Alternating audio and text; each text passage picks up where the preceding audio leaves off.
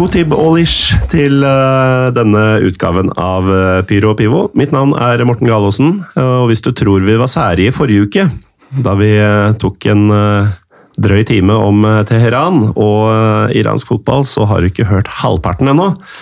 For i dag så har jeg med, deg, har jeg med meg deg, Magne Mellem Enoksen. Velkommen. Takk for det. Litt nærmere mikrofonen, tror jeg. Ja. Her, ja.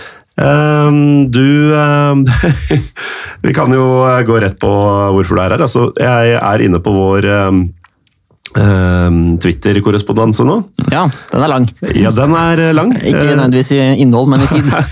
Nei, man må ikke scrolle så mye. Men uh, scroller man helt til topps, så kommer man til 13. april 2020, hvor du ja. tilbyr deg å skrive en, et innlegg til pyropio.com om da du var og så fotball i Usbekistan. Ja, det var vel ett år før det igjen, så vidt jeg husker. Det tror jeg fort det kan være. Ja, Men Men påsken i hvert fall. Det var eh, altså en måned eh, ganske nøyaktig etter at Erna stengte dørene i Norge. Så satt du hjemme og tenkte hva skal jeg gjøre med all denne tida? Ja. Kanskje jeg skal skrive om usbekisk fotball til Pyro Pivo? Det føltes som en god idé der og da. Ja, Og så kom livet litt i veien, kanskje. Jeg veit ikke. Men um, noen dager seinere så sier du at dette kommer, altså. Jeg bare somler litt. Og så er det først 3. juli 2021 at du nevner at Hei, eh, dette er fort 80 ferdig.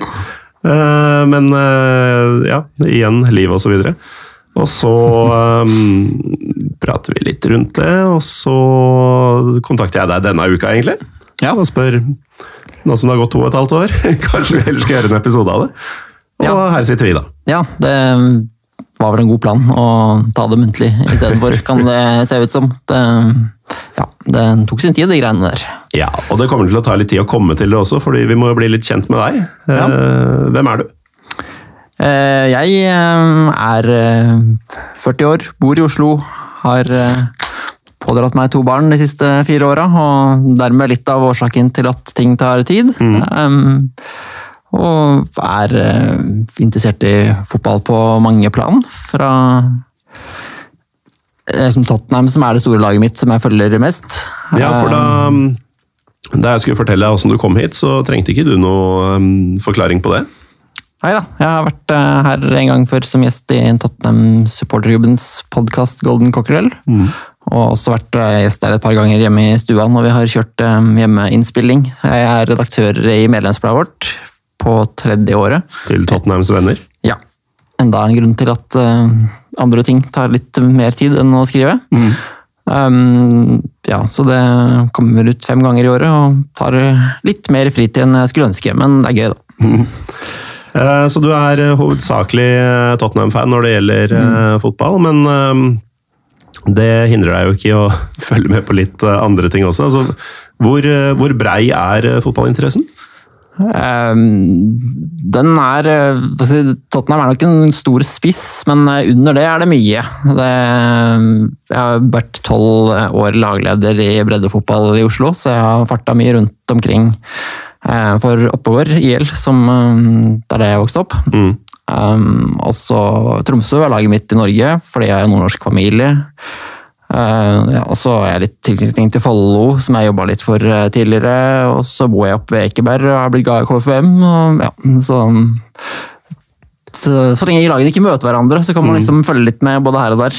Og så ja, syns jeg det er gøy å Hvis jeg ikke har noe å gjøre, men da kanskje burde skrevet en artikkel isteden. Så skralle på mobilen og se på tabeller fra rare steder. Og kanskje spesielt landslagspauser, for da dukker det liksom opp kjente spillere sammen med ikke så kjente spillere. Mm. Eller motsatt. da. De ukjente dukker opp blant de kjente, og da får man se en del rare forbindelser og navn og sånn. Så det er gøy. Ja, altså vi, vi går jo inn i en landslagspause nå, um, dessverre, ifølge meg. Eh, men eh, det er jo nettopp det, da, at det er jo en gyllen mulighet for å se at uh, enkelte spillere som man holdt på å si, ser på som høyt aktet, Mm. bytter ut eh, hverdagen den eh, den flotte hverdagen sin med strålende medspillere i uh, ja. prangende drakter og sånn. Med Altså Et eksempel som alltid dukker opp for meg, er jo Henrik Mkhitarian, som du sikkert som Tottenham-fan er veldig glad i. Um, Jeg skulle til å trekke fram han selv, faktisk. Men, ja, ja. som liksom har vært i United, Arsenal, um, spiller i Roma nå. Um, veldig sånn glamorøs eh, tilværelse de siste ti åra. Og så, eh, sånn annenhver måned cirka, så skal han da spille eh, sammen med folk som spiller for Punic Jerevan og sånne ting. Det er jo, det er jo en viss sjarm i det. Ja, jeg liker Jeg, som- jeg syns landslagspauser, som du sier, er litt eh, kjedelig pause fra den ordentlige fotballen, liksom. Men samtidig syns jeg landslag er litt kult, fordi da, da kan du ikke kjøpe spillere. Du er liksom stuck med det du har, og må gjøre noe ut av det. Så det er eh, et slags sånn eh, den alternative fotballen til eh, den der store pengekarusellen. Helt til selvfølgelig Qatar og sånn begynner å friste med statsborgerskap til brasilianere. og ja, Så vi får se hvor lenge dette varer. Men enn så lenge er det i hvert fall en Du får noen morsomme situasjoner som det du fortalte om der. Så du ser litt fram til pausen nå, du? Ja, også litt fordi jeg blir så stressa av dårlige Tottenham-kamper av og til.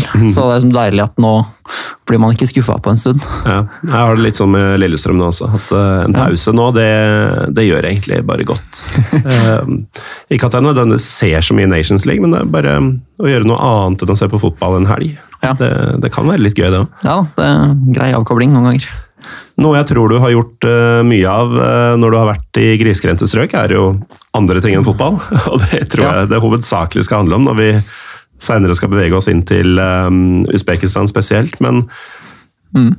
du, sa at eh, den turen du hadde tenkt å skrive om, eh, den foregikk i 2019. Stemmer, i påsken. Men det var ikke første gang du var i Sentral-Asia. Nei da, det var, eh, det var eh, andre. Det var altså Jeg husker ikke Jeg er veldig glad i å reise. Jeg har vært i en drøss med land og vil gjerne til nye hele tiden. Så det forklarer liksom hvorfor man eh, havner borti sånne steder som det. Um, så jeg var der i 2016 også. I Kasakhstan først, og så Kirgisistan og Tadsjikistan.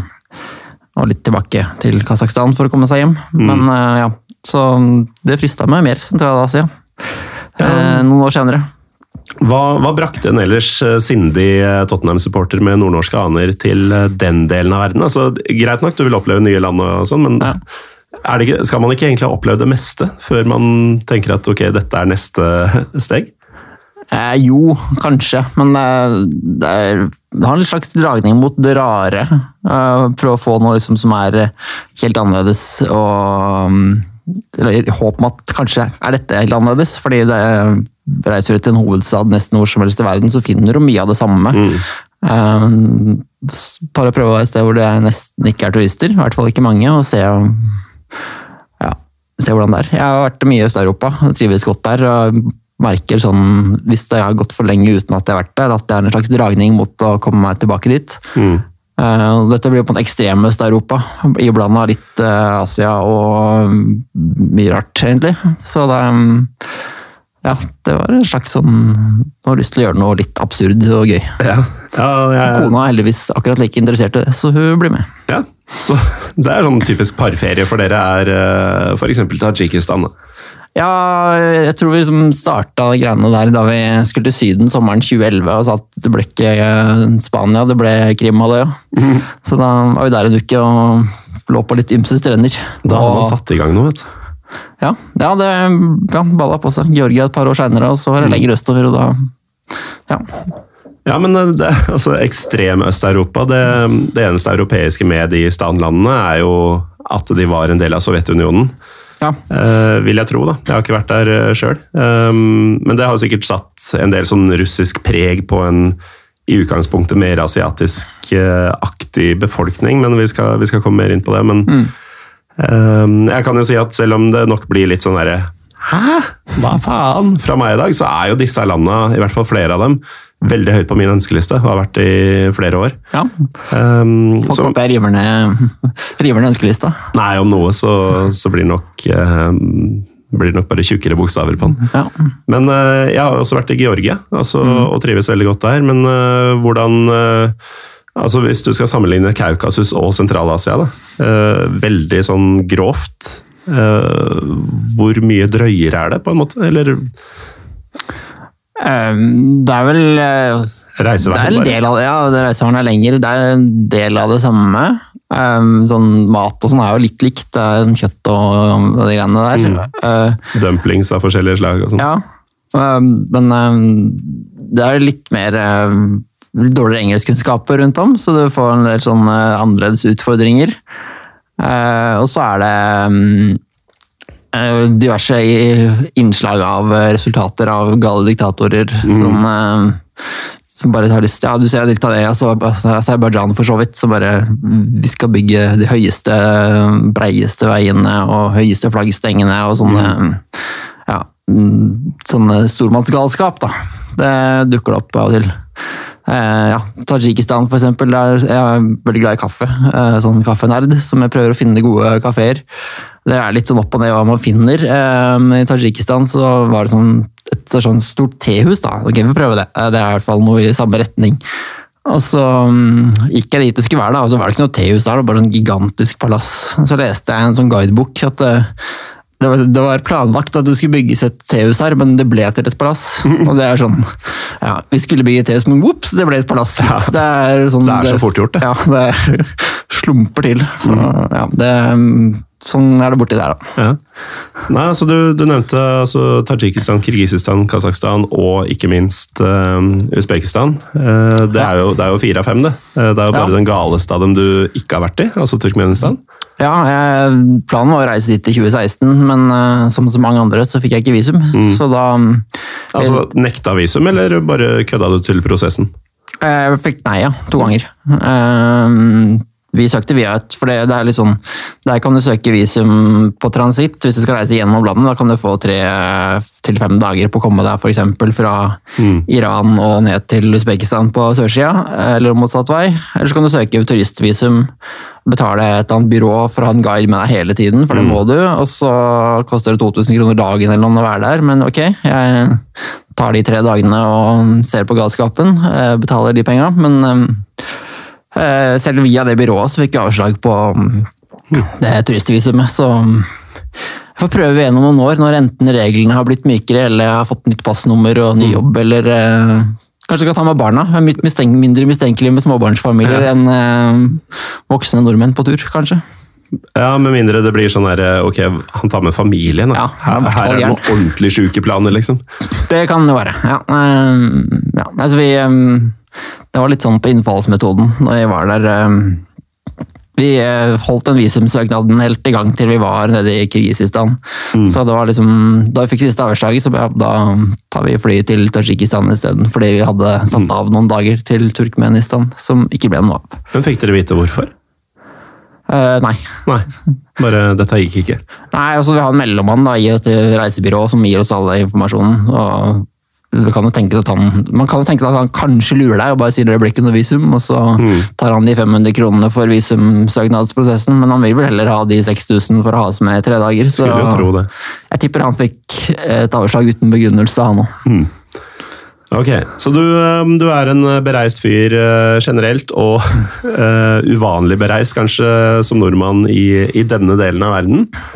Um, før vi går til altså, hoveddelen av historien, som er siste tur til, eh, til regionen, og da til Usbekistan, hvor du faktisk så fotball. Ja.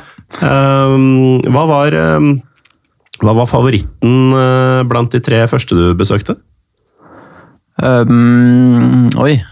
uh, jeg syns ikke Tadsjikistan uh, var, det, var det så varmt og rart. Rart, det kan være bra, men det var eh, Feil rart? ja, feil rart. Det var, liksom, det var ikke så mye. Det var bare mye staffasje og lite innhold, kan du si. Eh, så vi fikk en fin fjelltur, og naturen er jo kjempefin der. Men eh, nei, så vi hadde ikke så god tid der heller, så det har litt med saken å gjøre. Eh, Kasakhstan var den hovedstaden Nursultan, som den heter nå, Astana, som den het da. Det er jo en crazy show-off-by med masse funky bygninger. Jeg syns det er kult, og jeg liker å ta bilder. Gå rundt og prøve å få morsomme bilder av gullbelagte tårn og sånt. Eh, eh, Salmati, den gamle hovedstaden, er jo en mer ordentlig by. som var, Den var ganske kul. Men jeg syns kanskje Kirgisistan og Bishkek likevel var kulest. Um, Og det er det letteste å komme til å komme inn i, er det ikke det? Er ikke det nesten visumfritt uh, for nordmenn? Jo, alt er blitt enklere nå. Det var visumfritt da allerede, og det var ikke de andre. Mm. Så Det er derfor jeg som har reist til disse landene han har gjort det om. fordi Kasakhstan skulle ha noe sånn Expo-greier, så da hadde de plutselig innvilga to ukers visumfrihet for nordmenn, eh, eller mm. mange land i en viss periode. Da hoppa jeg på for den, og så Tadsjikistan hadde begynt med e-visum i samme periode, så da var det også mye enklere enn før. Eh, Men Kirgisistan er, det er vel det av de sentralasiatiske landene som har uh, frie valg og sånn. Og så må man diskutere hvor uh, ordentlige de valgene er, men det er i hvert fall valg, og de byttes ut ledere innimellom, og det gjør det jo ikke de andre landene der. Sunnhetstegn. Ja, for så vidt. Det er, det er litt politisk bråk, så det er kanskje bra. For det, det er ikke så mye av det i de andre landene der. og det, det er mye bråk som undertrykkes. Så ja, Kirgisistan er fint. Både by og fjell. og Besøkte eh, et sånt veldig rart eh, fjellresort. eh, 2000 meter over havet ligger en innsjø som er verdens nest største høyfjellsinnsjø. hvor da hadde liksom anlagt sånn russisk feriested med Det er liksom å komme til Syden. Du har masse ferieboliger ned mot stranda, diskotek, det var pariserhjul, berg-og-dal-bane og sånn, til og med sånn delfinshow og greier på stranda der, 2000 meter over havet. Det var ganske rart. Men, Er det det du har på T-skjorta di nå? Eh, For det så fjellete ut. ja, det er en uh, kirgisisk uh, kaffesjappe-T-skjorte. Det var Ah. det nærmeste jeg kom uh, å ta med noe merch fra um, um, ja, Det var vanskelig å få tak i fotballmerch, så da ble det kaffemerch som jeg også samler litt på. Så, Ja. Kaffemerch. ja, uh, Kyrgyz Republic er i hvert fall Og det er jo kule farger. takk. Så ja, dette er god, god podkast. Det er jo ikke det eneste du har med deg for så vidt fra regionen. Jeg ser tre flasker med potensielt eh, samleieutløsende faktorer på bordet her. ikke, ikke mellom oss, eh, får vi håpe, men eh, hva er det du har dratt med deg? Det er noen um, suvenirflasker i litt større størrelse enn vanlige suvenirflasker, tror jeg. Med sterk eh, drikke fra en sjappe i Samarkand i Usbekistan. Mhm. Um, det er en flaske med Filatov konjakk. Filatov tror jeg er en sånn der, um, russisk, gammel russisk-sovjetisk um, distillerifyr. For det er mye Filatov her. Det er Vodkaen her også Filatov. Leser du eh, kyrillisk eh, alfabet? Ja, det har jeg lært meg. Det kommer ganske godt med. Det, Det gjør det, det var forbausende mange ord som er like, fant jeg ut da Ukraina her i 2011. At så hvis du som kan lese biljard på det bygget her, så står det faktisk biljard. Så da man kommer seg litt eh, lenger fram. Ja. Så det er en konjakk fra Var det Filatov du sa? Ja. Eh, Og en eh, arak vodka fra Filatov. Også. Også fra Filatov? ja. Ja, ehm, ja. Jeg vet ikke om det er samme i folka, eller om det bare er de liker å slenge navnet Filatov på ting. Det, dette er på litt uh, tynt grunnlag. Mesterbrenner Filatov. Ja, jeg tror kanskje det. Mm. Også en balsam fra, som heter Samarkand.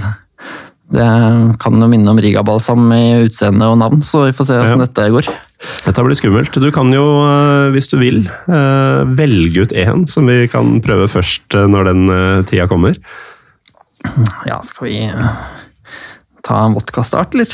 Kanskje det er greiest. Med sånn streit. Begynne streitest mulig, og så blir det jævligere. Det, det, er jo, det ble nevnt på jobben min i dag at det er lille lørdag i dag. Og en Ja. kollega Det holder i massevis, du.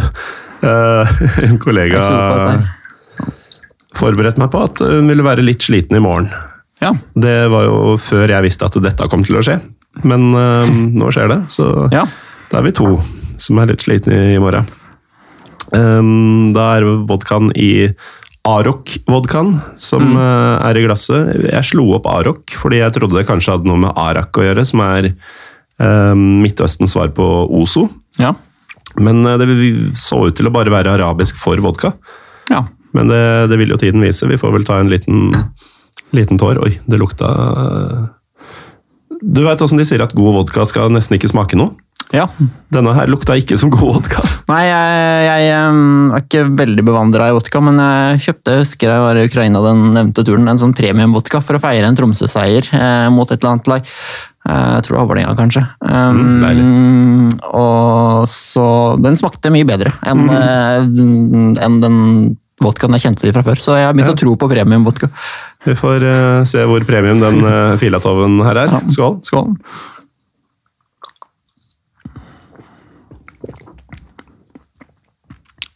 Hva verre på lukt enn smak? Ja, absolutt. Det, eh, uten å være noen vodkafagmann, så har jeg vært borti verre, tror jeg. i hvert fall. Mm. Varmt i brystet for deg, da. Ja. Deilig. Litt kaldt ute nå, så det ja. Men eh, da har vi egentlig fått, på, fått i oss eh, The Dutch Courage til å prate litt om eh, nåtiden, før vi går til Usbekistan-turen din. Fordi Ja. jeg nevnte både Kirgisistan og Tadsjikistan. Det, er noe, det er noe krøll der for tida. Ja, der, der skytes det litt. Det er veldig, jeg så noen folk på Twitter skrev, og det, jeg har prøvd å lese meg opp litt. Og det er vanskelig å liksom finne ut hva som skjer. Det står bare at det har brutt ut kamper. Det står Ja. ikke noe om hvem som angriper hvem, eller hva som skjer. Det kan jo hende at det er eh, generelt vanskelig å vite også, men det handler vel sikkert litt om vestlige medier og kunnskap om hva som skjer et eller annet sted mellom fjellene i eh, Sentral-Asia også. Men ja. Ja, hva er deres kilder, liksom? Ja. Hvilket, hvilken agenda har det og det statlige mediet, eventuelt frilanseren som tilfeldigvis er på plass? Ikke sant? Men ja, nei, det mellom Kirgisistan og Tadsjikistan har det ja, vært litt bråk på grensa. Det var vel meldt om rundt 100 drepte, tror jeg, i løpet av i slutten av forrige uke. Ja. Samtidig som det var et sånt toppmøte mellom presidentene i eh, alle disse sentralasiatiske landene og en del andre land. De, så det var, de sitter liksom i møte sammen, de to presidentene som samtidig har krig. Det er jo litt rart. Ja. Eh, Stiller opp på bildet sammen Ja. og greier. Men det er trefninger på grensa altså Jeg leste litt om det, jeg var innom CNN i dag eh, blant annet, for å prøve å bli klok på det. og det eh, det jeg ikke hadde tenkt på, eller ikke visste altså Man vet jo at mange, mye av uroen i flere afrikanske land kommer jo av at uh, grensene er så unaturlige. At uh, de er satt med linjal av hvite menn i Belgia, liksom. Ja. Uh, for å fordele landområder, og så har det gått på tvers av landsbyer og splitta Uh, Splitta folkegrupper uh, i to forskjellige land, hvor det plutselig er kjempeminoritet i ett land og majoritet i nabolandet, og så blir det krig og sånne ting. Ja. Um, og så gikk egentlig noen, uh, husker ikke hvem, i den CNN-artikkelen langt i å antyde at Sovjetunionen hadde gjort litt av det samme Ja. um, med disse landene.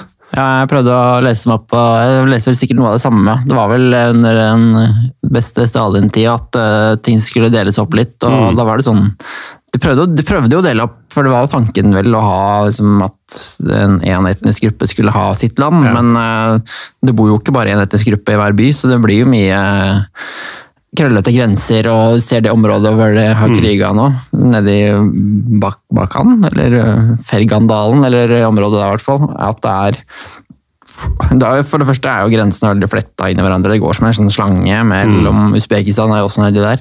Ja, det er bare å søke opp kartet, fordi det er Man skjønner jo at det blir, eh, Ja, mye blir litt krøll. Enklaver og, ja, enklaver og eksklaver og ja, ting som eh, øyer av Usbekistan og Tadsjikistan inne i Kirgisistan Mm. og vice versa. Så, og så er det jo det er jo mye ørken og fjell, så det er et av de få stedene i området hvor det er fruktbart er der, så det bor mye folk der. For folk trekkes jo til vann og elver og sånn, og nå er det tørke generelt rundt omkring, og da er det enda større kamp om det om vannet. Det var vel eh, litt bråk der i fjor også. Eh, Da var det spesielt sånn vannkilder som var problemet, og etter hva jeg har lest, så har det vært litt sånn Litt sånn barnslig krigføring. Sånn ha-ha, nå leder vi bekken bort fra deres eh, åker til vår, og sånn, og da er det plutselig over et annet land, da, fordi du har skifta litt endring på den bekken. Så det Ja, det høres liksom litt sånn tullete ut, men det er jo alvor når det sånn- går eh, skytes med skarpt. George Costanzas smålighet, som ja. plutselig ja, fører til vesentlig hardere skyts. Mm. Men um... Ja, er, eh, jeg prøver å følge med litt. Jeg har jo en slags eh, Jeg reiser mye, liker å oppleve land. eh, altså, man, man man blir jo glad i disse landene. Ja, ja. U føler bare- uansett eh, på en måte hva man kan si om den politiske ledelsen, og sånn, så får man jo et forhold til kulturen og til folket. og Veldig. tenker jo gjerne, spesielt kanskje de vanstyrte landene. da. Vi hadde jo om Iran i forrige uke. At man bare tenker ofte at folk folket fortjener bedre, og sånn, og så ser man, følger man litt med og håper på det beste, og så blir det jo ofte verre i stedet. Ja, ja det, det, det, er- det ikke mer enn jeg leste at det er ikke mer enn tre år siden at uh, Usbekistan også var med i den grensekrangelen her. For de er jo, det er liksom ikke avklart hvordan grensa skal gå. Så det skal stadig ha nye sånne grenseoppganger for å bli enige. Altså, Usbekistan klarte vel å bli enes om sine deler av grensa med de to andre landene for et par år siden bare. Så da, da er det bare to igjen til å krangle. Men, eh, Ja. men eh, ja, det går mye i hverandre. Jeg husker vi var der borte, jeg husker ikke hvilken av turene, men det var sånn vi spurte en taxisjåfør hvor i landet er du fra. Så, Nei, jeg er fra nabolandet. Så, ja, så folk bor jo på kryss og tvers og fullt av kriser i Usbekistan og Tadsjikistan og vice versa. Så det eh, Ja, grensene blir nå litt kunstige. Er det mye nomadefolk og sånn i traktene? Så det er jo mye fjell og stepper og sånn. Det, Det har i hvert fall vært det. er nomadefolk fra gammelt av. Det var litt gøy. Jeg var på en sånn kafé i uh, Bishkek. Eh, Jeg snakka med han var dagen etter at de åpna, så fortalte han fortalte at eh, det var en veldig sånn hipster, moderne greier. Som fikk eh, veldig god kaffe, og han kjørte hjem til en kompis og henta den nyeste kaffebønnen han hadde for dette han skulle servere og sånn. Og så sa jeg at uh, i Ref Kaukasus at det var uh, synes, Da var det mye vanskeligere å finne den moderne kaffen. Så han sa det at uh, det var litt sånn nomadekulturen. At du var mye mer tilbøyelig til å ta til deg nye ting enn f.eks. Armenia, som verdens eldste mm. land. eller verdens eldste... vi har gjort sånn her alltid, Ja, og så sånn skal det være. med det, mens nomadefolk eh, som er nomader fra gammelt av, de tar til seg nye, Mm. nye kulturer. Så det, ja, og flytter seg rundt, som du sier. Ja, men det gir mening. Um, nesten 27 minutter inn, Magne, så har vi, kan vi jo begynne å snakke om det vi skal snakke om. Ja. Eh, Din tur til eh, Usbekistan i 2019, hvor du Mm. faktisk så fotball i Usbekistan. ja. Eh, Hva var ditt forhold til usbekisk fotball på forhånd? Um, jeg tror jeg hadde lest Det kan ha skjedd etterpå, siden det er så lenge siden, men jeg tror jeg hadde lest på Twitter at landslaget var bra defensivt. Eh, Lars Sivertsen drev og droppa noen sånne oddstips om at, eh, at de skulle ha under 2,5 mål i kampene sine. Det var som regel et bra tips. Eh, det var vel det. Um, Ja. Ja, for jeg kan oppsummere um, inntil for et par år siden mitt forhold til usbekisk fotball med to ord, egentlig. Maxim Shatskik. ja, han har Som- ikke jeg noe forhold til. Da Dynamo Kiev um, solgte um, Sjevtsjenko til Milan, Mm. så var det han som kom inn for å ta den plassen. Aha. Eh, og da husker jeg det ble gjort et nummer ut av eh, på Champions League-sendingene til TV3, eller hva det var på den Ja. tida, at uh, den usbekiske spissen skulle ta plassen til eh, til Sjevtsjenko. Shevchenko. Han ble jo aldri like god, for å si det pent. Nei, Men, eh, godt gjort å huske. Ja. Og eh, nå nylig så har det jo dukka opp en fyr i Serie A eh, som heter Eldor Sjomurodov. Eh, som eh, gikk til Roma foran forrige sesong. Så det er faktisk en, mm. en eh, usbeker på Roma. José Mourinhos, eh, José Mourinhos Roma. Nei. Vet ikke helt om han er det mest eh, Han er nok ikke den de setter sin lit til, Nei, men, det, men han er der. Ja, nei, men det er ikke verst bare det. det. De var jo Det fant jeg ut eh, etter hvert. Sånn, da jeg skulle reise hit, så måtte jeg jo følge med litt. Så da, de var ikke så langt unna å kvalifisere seg til VM i Russland. For de havna vel to poeng bak gruppevinner Sør-Korea i kvalikgruppa si. Mm. så var de bare ett poeng bak Syria, som spilte som playoff mot et eller annet lag og tapte. Så de landslag er ikke så gærent. Men det kan hende det sier litt mer om nivået i kvalifiseringsgruppene i Asia òg, men eh, Ja, altså, De havna så vidt bak Syria. Ja. da er de ikke Ja. så dårlige. så vidt bak Sør-Korea høres det litt bedre ut. Ja, det gjør det. Eh, men ok, Usbekistan 2019, uh, påsketur? Var det? Ja. Det var uh, igjen uh, plutselig ny president. Litt uh, løsere visumregler. Det er bare å komme seg av gårde før de ombestemmer seg. Ja, ja for det, det blir jo på en måte et naturlig sted å starte. Altså man skjønner jo hvor tanken kommer fra når du hadde vært i området tre år tidligere, og det ga mersmak, som du jo har sagt. Så det å dra til Usbekistan fortonte seg kanskje som en ganske enkel og naturlig avgjørelse. I hvert fall når man fikk vite at det var lettere å komme inn. Eh, ja, det var egentlig det. Jeg var fulgt, følger litt med på når busk åpner det seg muligheter rundt om. Um, og jeg, verken jeg eller kona som jeg reiser sammen med, er så glad i å planlegge mye på forhånd. Eller gode på det. vel, vi kunne gjerne gjort det. Ikke at vi ikke liker det, men vi får det ikke til så godt. Så det blir ofte litt sånn uh, på kort varsel. Uh, men um, Ja, men jeg, jeg tenker at sånne steder, som er litt sånn eksotiske, mystiske, mytiske til og med At eh, Da jeg skulle til Armenia og Georgia, da, i sin tid, så gjorde jeg med vilje så lite research som mulig. Ja. Fordi jeg ville ikke ha så veldig Altså, jeg ville ikke vite så mye om, Ja, om hva som venta meg. Mm. Eh, og det, altså, det kan godt hende at jeg hadde hatt en like bra tur med research, det er ikke det, men, oh. men det funka helt strålende. ja. Um. Eh, veldig mye positive overraskelser når man Ja. ikke, ikke får uh, lese seg opp på sånne ting som man begynner å glede seg til. Mm. Um, men eh, dere hadde jo da Um, vært i området før, visste sånn noenlunde hva slags land disse er. Ja. Usbekistan eh, noe mindre åpent enn i hvert fall Kirgisistan. Ja, eh, fram til 2016 var det vel mer lukka enn de tre andre eh, som jeg hadde vært i før. Ja, så døde han presidenten som hadde vært der siden tidenes morgen. Eh, Bokstavelig talt i det landets historie. Eh, og da nye har visst åpna opp litt mer, eller ja, så da mm, var det vært, for Jeg orker ikke sånne visumpapirmøller, med mindre jeg absolutt må, som Turkmenistan-greia. Så mm, det, men samtidig litt mer lukka, ja. Men samtidig har de liksom sånne store turist... eh, Eller store turistmål, men sånn sånne attraktive Samarkand det er jo et sted folk gjerne drar for å se Ja. disse gamle spektakulære bygningene og sånn. Så de mm, både både mer lukka og mer vant til turister, på et vis, da, tror Ja, merkelig kombo, egentlig. Ja. Men eh, hva Altså, e-visum, var det det som gjaldt? Det var vel ikke nå, tror jeg. Ikke nå? Jeg tror du får eh, 15-30 dager bare å møte opp hvis du er norsk. Mm. Ja, så vidt jeg. Ja, jeg tror det. altså. Jeg mener det. mm. Eller kanskje måtte registrere deg på nett, men det er sånn der, eh, rett fram-greier. At du bare legger inn navn og adresse, så det er ikke noen som Mm. Jeg skal være i landet deres. Ja, bare si ifra på forhånd, på en måte. Mm. Så det, det, det var veldig greit. eh, Heldigvis. Ja. Um, så det, altså, planleggingsmessig så var det ganske lite å holde styr på, siden du og kona velger å ikke gjøre research, eller eh, ikke orker å gjøre research, eller noe sånt. Dere trenger ikke å tenke på visum. Ja. Men åssen uh, kommer man seg dit?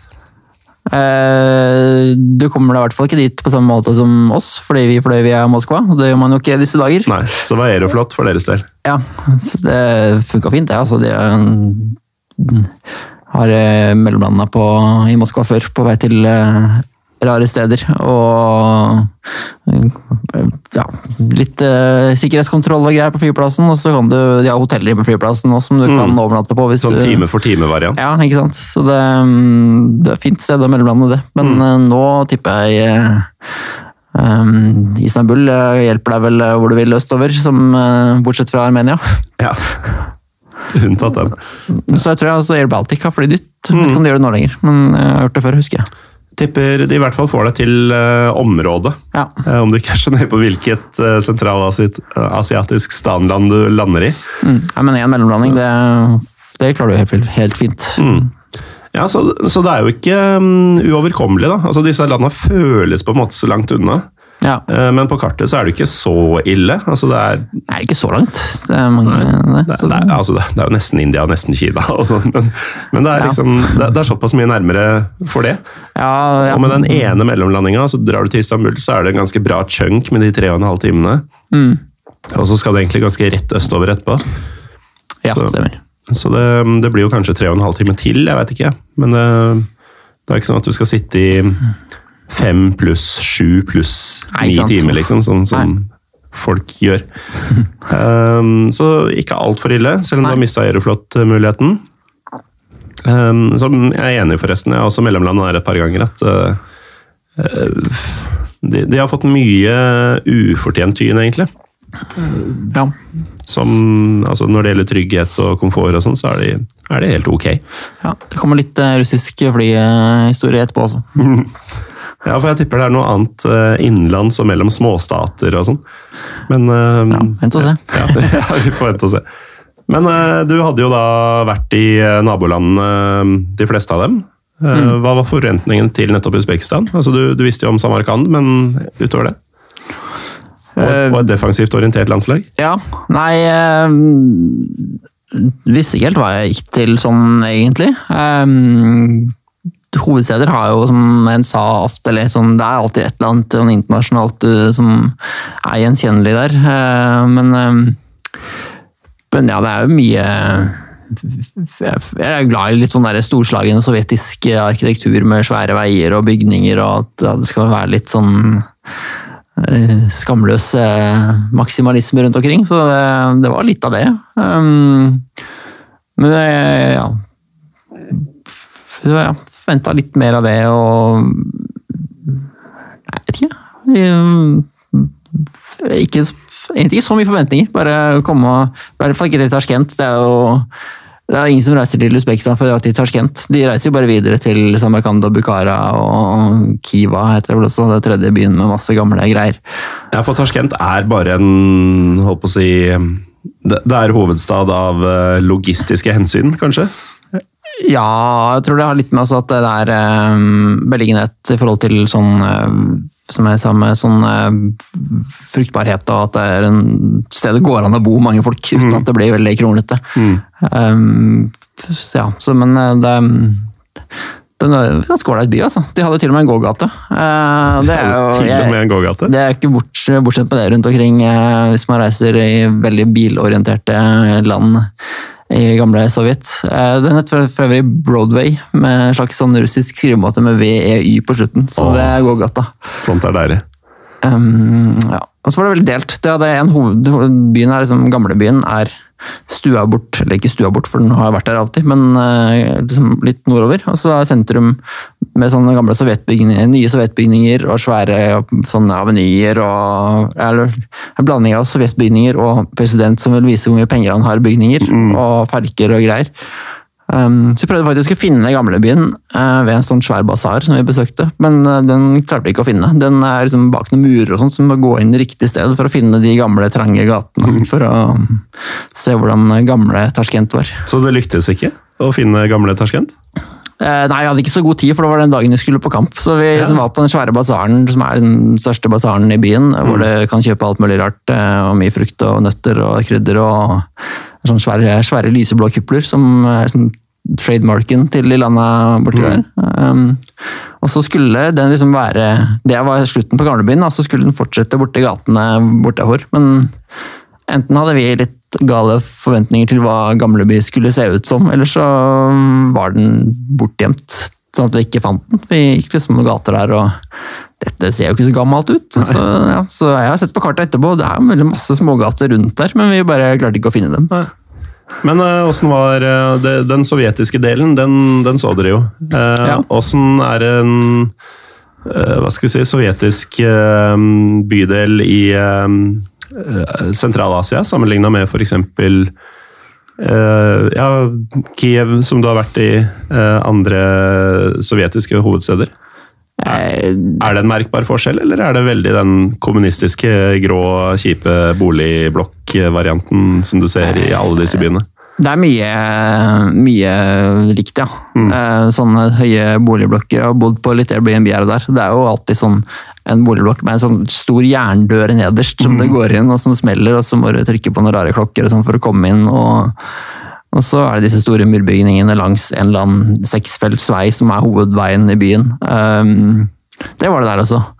Men har du det krydret, så får du krydra det med den der eh, som diktator i Sentral-Asia vil vise hvor mye penger han har, så han slår opp et svært hvitt bygg med masse glassruter og sånn i tillegg. Um, ja, så det er en god blanding. Det er akkurat passe rart.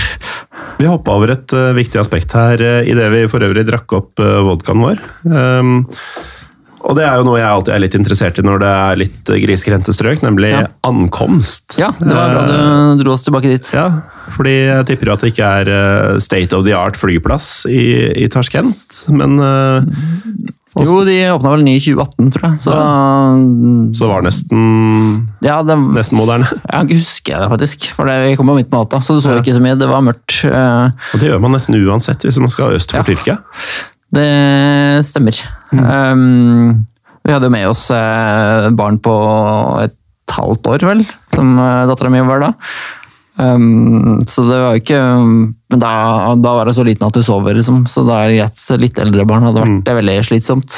Men um, vi hadde Ja, vi booka jo siste lita. Jeg kom der klokka halv tre om morgenen. Eh, Det var nesten ikke hoteller igjen i byen, fordi det var påske, og tydeligvis mange som skal til Torskent i påsken. Ja, men det sier seg sjøl. Ja, ja, hvorfor ikke? Um, så vi fant liksom ett sted som var innenfor rimelig prisklasse, beliggenhet og standard.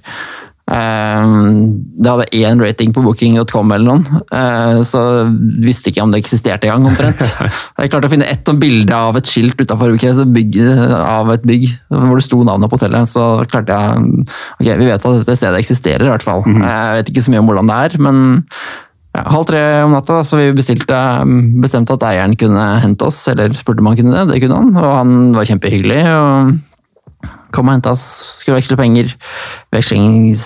Eller skulle ta ut penger. Minibanken funka ikke, men du hadde en sånn eh, vekslingsminibank eh, ved siden av, hvor du kunne putte inn eh, utenlandske selger og få tilbake usbekiske. Og Det var en litt sånn guffen følelse når du kommer til Usbekistan og putter sånn 200 dollar inn i en luke og lukker igjen og bare trykker på en knapp.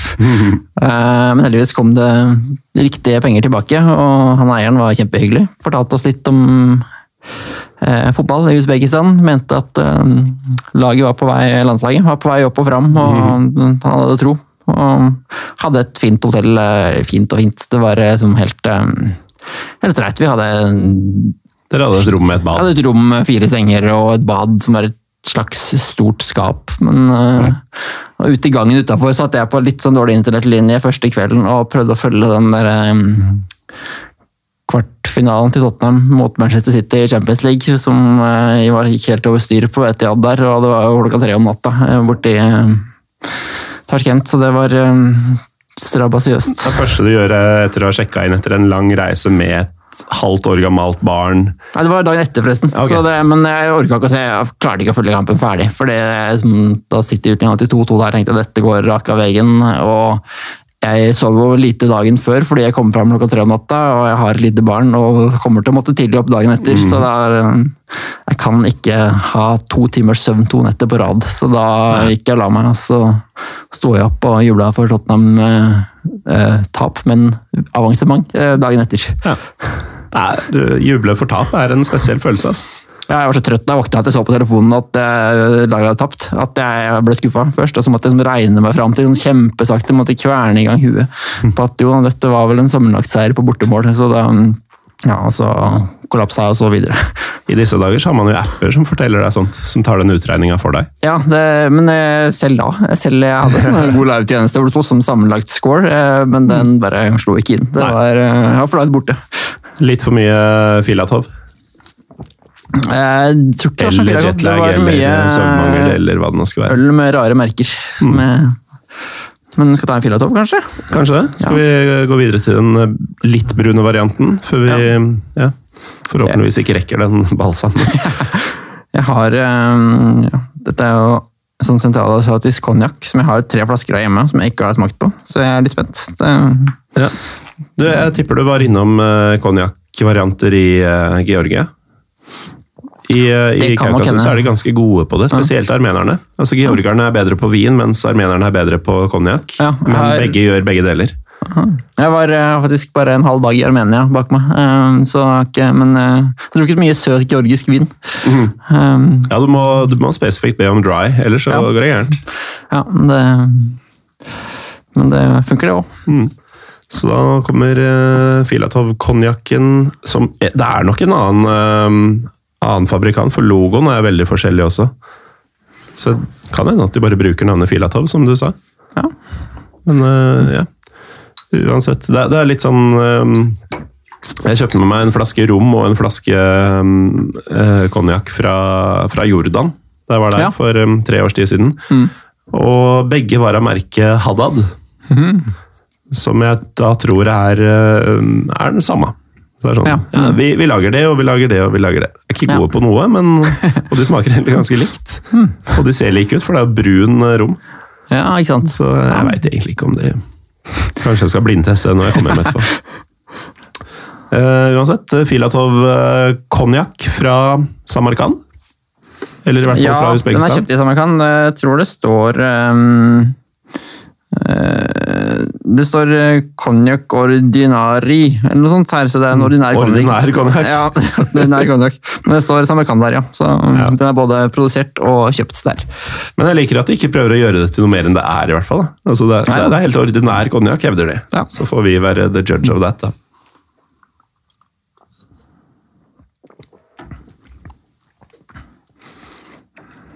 Det syns jeg var på grensa til godt. Ja, jeg, er mer glad i konjakk enn vodka, så dette Mm. Veldig Det var- marsipan eh, Ja. Den kom nå kom nå. Men den, eh, den var ganske mild til å være Mm. sterk, syns jeg. Mild til å være sterk. Ja. Um, ok, så vi har, eh, vi har ankommet uh, Usbekistan uten problemer. Vi har eh, sittet på gangen og prøvd å se Tottenham. Mm. Mer eller mindre uten problemer, men du orka ikke. Nei, Jeg så ikke, internetten tålte ikke det, men jeg fikk eh, Twitter og litt sånn. Men vi er fortsatt i hoved, hovedstaden Tasjkent, som dere ankom. Mm. Og det var her du skulle se den ene kampen du har sett i, eh, i Sentral-Asia. Det stemmer. Var det mens dere fortsatt var her, eller drar dere litt rundt i landet og kommer tilbake for fotballen? Nei, eh, vi har reist mange steder, og det vidt, Vi har vært gode på å se mange steder, vi har ikke vært så gode på å være lenge på steder, fordi vi jobber og må liksom ta den ferien og avspaseringa vi har, så det ble ikke så mange dager i Tarskent. Så det var vel kamp på andre eller tredje dagen, og det var siste dagen der før vi skulle videre. Ok. Men vet du hva, da tar vi rett og slett fotballen nå, ja. så kan folk Ja. som ikke vil høre om alt det andre, skru av etter det. Ja. Eh, hva, hva skulle du se? Skulle se Paktakur Tashkent mot Dinamo Samarkand. Mm, Så det var de to byene vi skulle til. selvfølgelig et Dynamo.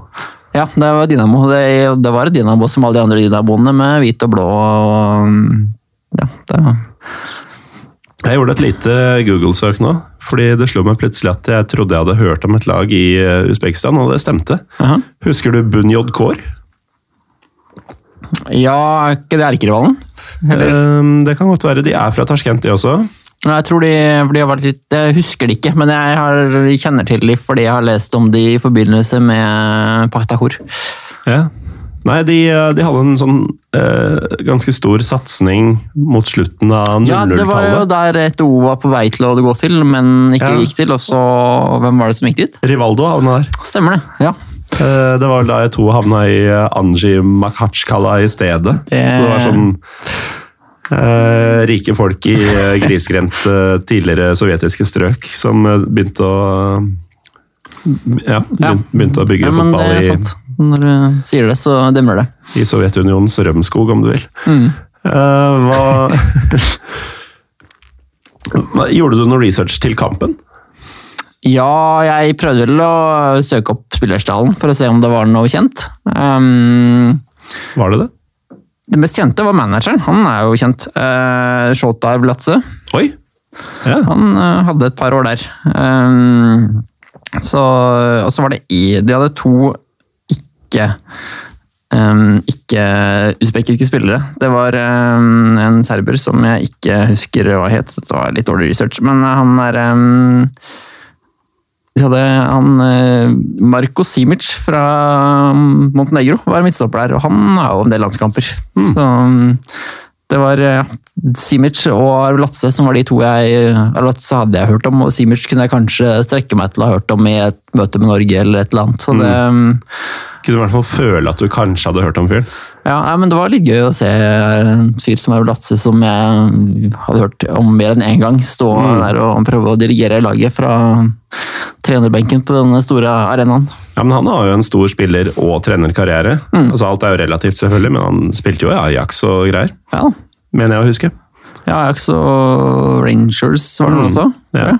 Så har han trent noen russe... Nei, noen um, tyrkiske klubber og greier. Ja, Trabzonspor var han vel Ja. Mm.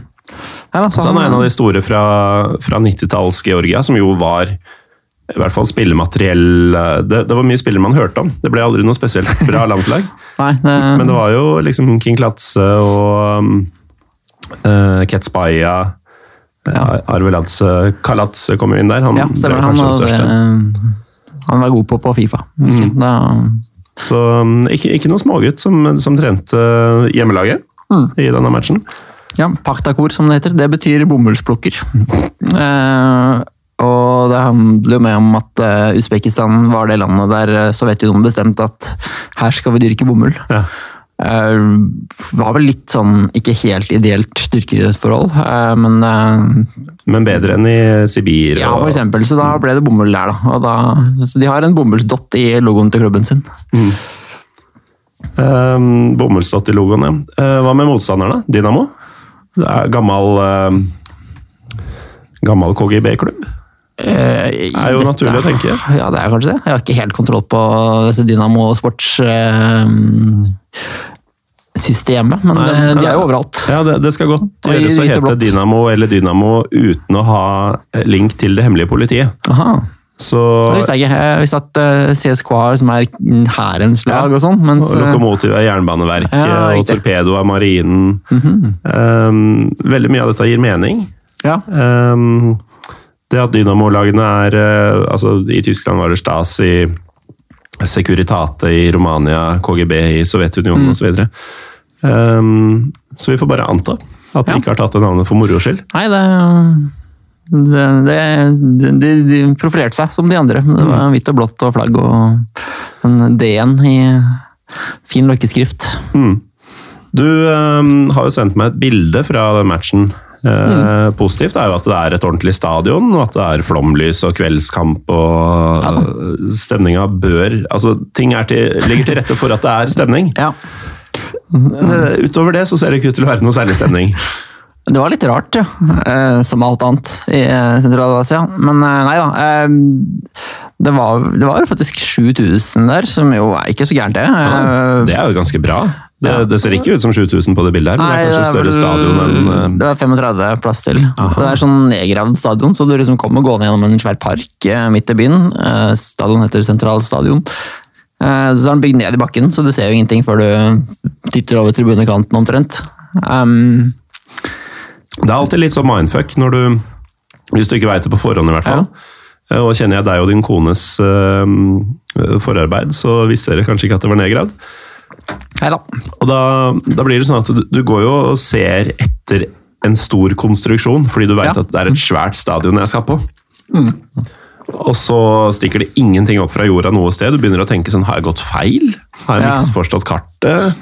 Um, eller eventuelt har taxisjåføren eller um, marsjrutka-sjåføren eller hva det nå brukte, Det misforstått. T-bane, faktisk. T-bane? Ja. ja, da kan man i hvert fall ta feil. Ja da, men det var liksom en viss strøm supportere fra T-banestasjonen, så det var ikke noe sånn Ja, så det var ikke noe frykt for at Nei, vi skjønte hvor vi skulle sånn noenlunde, men det er altså, du går bortover, og så står det, kommer det til en bygning da, som det står Paktator på. Så det ikke dette er, er dette en tribune? Dette er en mening. Ja, men det var selvfølgelig VIP-tribunen, så du skulle jo ikke inn der. Du liksom prøver å nærme deg døra, så står det en fyr i dress og bare rister på hodet og peker til sida. Han sier ingenting. Det er sånn der stille makt, mm. maktbruk borti der. Men det er mer enn nok ord til at du skjønner at uh, her har ikke jeg noe å gjøre. Men, men jeg er på rett sted, Ja. ish. Um, Ja, vi hørte omtrent, det var omtrent da vi hørte bortefansen. Ja, Så det, da skjønte vi at uh, her skal det i hvert fall spilles fotball. for det var bortefans som lagde lyd.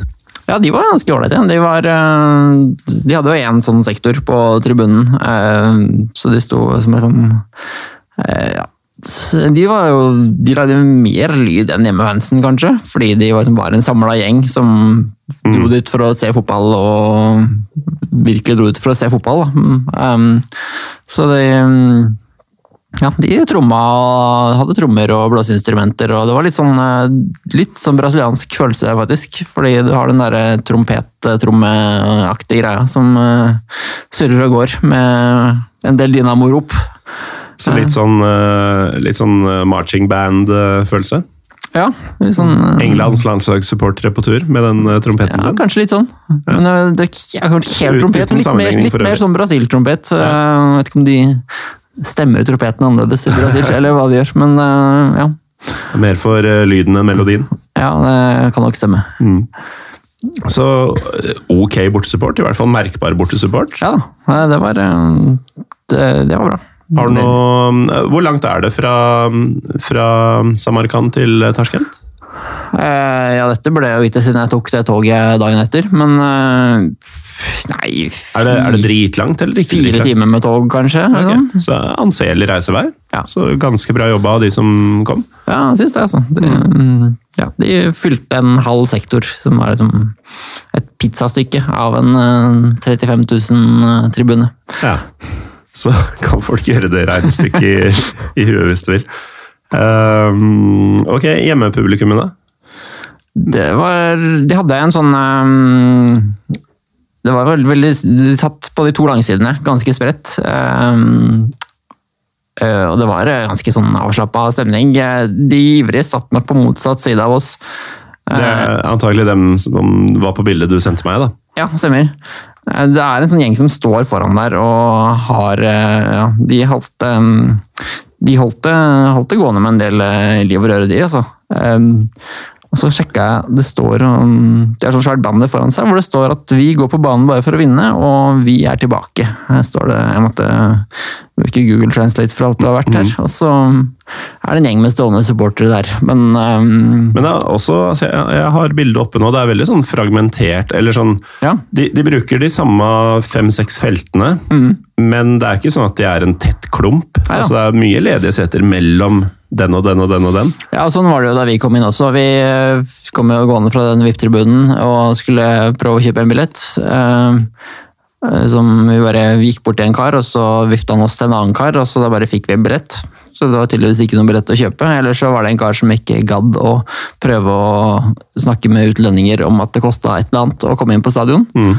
Eh, Det er jo fordelen med å være i et land hvor politiet er helt gærne, som i Usbekistan, at du blir jo ikke lurt så mye, fordi eh, det er lov og orden på Ja, Den lille vinningskriminaliteten er fraværende. Ja, det, så ja, fikk en gratisbillett i hånda, gikk inn og prøvde å liksom, navigere oss et sted det gikk an å få med oss barnevogn. Med, det er en rimelig turist da, når du kommer der litt lys i håret og blåøyd og med Ja. barnevogn på kamp i eh, Tashkent. Der. Excuse me, how much is a ticket? Ja, ikke sant? Nei, så Vi gikk og prøvde å sette oss et sted det var litt plass. Ble vifta videre til et sted det var litt mindre plass, og så ble vi vifta tilbake igjen. så Jeg vet ikke om de hadde sånn rang, disse vaktene, som, mm. men vi fikk et plass eh, på en tribune som eh, også var ganske spredt besatt med folk. Som var det som De var på kamp for å ha det hyggelig. Så Ja. da vi drar på kamp ser, vi, og ser og prater litt med venner og ser på fotballkamp. Så dere fikk eh, gratisbillett. Eh, Var det gratis for alle, eller var det bare Det vet jeg ikke. Jeg har billetten med meg. Det står ikke noen pris på den. Men ja. det, Nei, jeg vet ikke. Det, For det, se her, her er det ekte, ekte billett fra Superliga, faktisk. Det er jo ganske frekt å kalle Coca-Cola Superliga. Coca-Cola Uzbekistan Superligasi. Mellom da Paktakor og Dynamo fra Samarkand. Jeg ser at de skriver Samarkand med Q. Det er mye kuer i eh, det usbekiske språket. Ja, det er litt eh, interessant for meg, eh, og ikke for deg som hører på, dessverre, kjære lytter. Men fordi Samarkand ser man alltid skrevet på, på norsk og engelsk med K. Um, men uh, usbekisk er jo, hvis jeg har skjønt det riktig, i den såkalt turkiske språkfamilien. Og det er jo også aserbajdsjansk. Eh, og der er det mye kuer. Aha. Mens tyrkisk har ikke ku i alfabetet engang. Nei. Uh, men jeg som har um, Og nå må enkelte lyttere bare lukke øra, rett og slett. Men jeg har studert uh, tyrkisk og kan litt tyrkisk. Og har jo tatt meg i noen ganger at jeg leser sånn delvis noen uh, aserbajdsjanske ting på Twitter og sånn, når det dukker opp. Og tar meg i plutselig Å, shit! Og, ah, ja. hvorfor, hvorfor skjønner jeg dette? Uh, og da er det sånn at uh, de har ikke ku på tyrkisk, men de har to k-lyder. En som er litt sånn langt bak i halsen. Sånn k. Og det er den kuen. Ah, ja. Uh, ofte så er det nok Samarkand, og ikke Samarkand, uten at folk kanskje hører forskjell på det. det Men uh, da, da, da leser jeg det rett fram når det dukker opp noe aserbajdsjansk i, i feeden min. Så, så kommer den eh, bak i halsen K-lyden automatisk når, Ja. det, når det er kuer. Dette her trengte ikke å være med i podkasten, men du er litt fascinert. Ja, jeg var fascinert. Men eh, langt vest i hvis Mens du er inne på obskure ting, langt vest i Usbekistan ligger eh, en sånn eh, delvis autonomt område som heter Karakal-Pakistan. Som driver og prøver kanskje å bli eh, uavhengige, men de har jo lutfattige. Det ligger jo en Aralsjøen som har tørka ut, så der er det, det står generelt dårlig til der. Og de skriver jo Karakal-Pakistan med ku alle stedene du tenker at det er K. Mm. Også er- i Pakistan. Det er Pakistan, liksom. jeg tror det er fire kuer, så Karakal Pakistan ja, så det, det er et veldig fint ord å se på. Mye kuer. Karakal er jo for øvrig en eh, sånn ørkenkatt. Aha. Ja, for jeg var på Nå, denne episoden her er bare å drite i å gi ut hele. Uh, vi får skille på på Filatoven, eller hva, det- hva f- den het. Hva de het. Men eh, jeg var på et eh, mikrobryggeri i, um, utafor Amman i Jordan, Ja, som het Kar Karakail. Mm -hmm. Og da var det sånn eh, egyptiskaktig logo av en Ja, katt. ok. Og det er da ørkenkatten Karakal. Ja, det er mye ørken i Karakal-Pakistan nå, så Så gir mening, det. alt gir mening, kanskje. Tilbake til kampen, kanskje. Ja. Hva, altså, vi har vært litt innom eh, publikumsoppmøte, vi har vært litt innom eh, innslipp og, og ikke minst pris. Mm. Um, Åssen så kiosk og andre fasiliteter ut? Hva, hva er stadionsnacksen? Jeg hadde håpa å kjøpe øl og eh, drakt eller noe, for jo mer obskur kamp man er på, jo mer har man lyst på noe merch. Ja, du Eh, nevnte jo innledningsvis at kaffemerch er lettere å få tak i enn fotballmerch. Ja, det var ikke noe merch her eh, overhodet. Um, og mm, Nei, det var popkorn, faktisk. Det var det mye av. Og så var det sponsa av Cola, så det var vel noe cola. Jeg er ikke noe glad i cola, så jeg gadd ikke kjøpe det. Og så ja, Hva var det for noe? Nei, det var Nøtter og popkorn tror jeg var det som var greia, og det var det. Kanskje noe det, det var sånn, sånn der samosa-greier. Mm. Som er en enganger i Usbekistan. Det er godt, da. Mm. Og re relativt mettende. Ja da. Så- Det um, Går wienerpølse i lompe en høy gang, føler meg i hvert fall. Ja, Spørs det- litt hva innholdet er, kanskje, og hvordan den er tilberedt, men Ja, nei, men det, det, det Jeg husker ikke om jeg spiste den. Eller om jeg nødde meg med popkorn og nøtter og noe sånn ja, De hadde vel noe sånne frøgreier òg. mm, selvfølgelig hadde Selvfølgelig er det frø. folk, ass. Men ja, ja, ja, det lå noen sånne hauger igjen på tribunen når Mm. eh, man gikk hjem. Um, så merch umulig. Kiosken hørtes egentlig ganske normal ut. Ja, var kanskje det? Ja, Ja. Altså brus og snacks, Ja. men da samosa i stedet for wiener i lompe. Og det er det jo ingen som hadde grinet av i Norge heller. Nei da. Eh, Åssen er det kampen forløper seg? Det, det lukter jo 0-0 her. Ja, nei, men det var ganske gøy. Um, Partakor var jo er jo det største laget i Usbekistan. De har vunnet serien omtrent halvparten av åra usbekisk fotball har vært usbekisk fotball. Eh, De var, um, og Dynamo var nyopprykka, så det var hjemmelaget var liksom åpenbart bedre. De spilte ganske kul fotball. Det fikk litt sånn gode minner til eh, eh, god gammel Manchester United. eh, med Kanchelskis på kanten der, sånn kjapt ut på kant og så prøve å få til noe inn i feltet der. Jeg synes det var veldig gøy å se på med United i eh, hinehåre dager, og det var litt det samme opplegget. Um, men de, ja, de var litt dårlige foran mål, da. Men de hadde noen sånne gode, gode bekker og kjørte på på kanten der. Sånn Dennis Irvin-aktig ja. venstreback og greier. det er morsomt. Um, Og så var det litt sånn en del sånne eh, Samarkand vinner ballen, prøver å kontre, så blir de måka ned på overganger. og Så blir det ikke noe gule kort Nei. til hjemmelaget, som er en hjemmelag eh, og storfavoritt. Så ja, en klassiker der, at eh, dommerne KGB er ikke med i bildet lenger, om de noensinne var det. Nei, nei Dynamo var ikke, var ikke hva det en gang var. Men eh, nei, det var relativt morsomt, altså, faktisk. Så det, eh, jeg har sett kamper i en del andre land som har vært kjedeligere enn det der, så det var ganske gøy. Det ble 2-0. Det tok lang tid før måla kom, det var siste kvarteret begge to. Um, men um, Da får du igjen for ikke å ha dratt tidlig. ja, At det er sånn her, og det er seint på kvelden, begynner å bli kjølig, ungen er litt rastløs. ja, sånn. Vi har sett 70 minutter. Ja. Det, det holder til å sjekke den inn i groundhopper hvis man, en groundhopper med det, hvis man driver med sånt. Mm. Men dere blei og fikk med dere hjemmeseier, og det er alltid gøy, da. Når man er eh, nøytral relativt.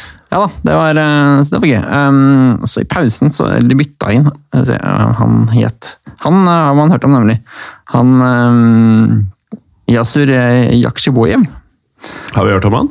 Uh, ja, for han uh, skåra i Sheriff Tiraspol sin 2-1-seier på Santiago Bernabeu i fjor. Ah, Så han, eh, han så han har gått fra det til å bli innbytter i usbekisk liga? Nei, han var innbytter i Usbekisk liga, og i så Ja, ja, ja, sånn blir det jo Ja. selvfølgelig. Nå er Ja. han tilbake i Usbekisk liga, da. Så det, han hadde sin ene minute of fame i den kampen på, mot Real Madrid. Men um, han kom inn som reserve da, i den kampen, så det var litt gøy å se da han plutselig ble på alle TV-kanaler. Mm. Eh, Han hadde jeg sett spille Han har jeg sett komme inn Ja, i Usbekis liga.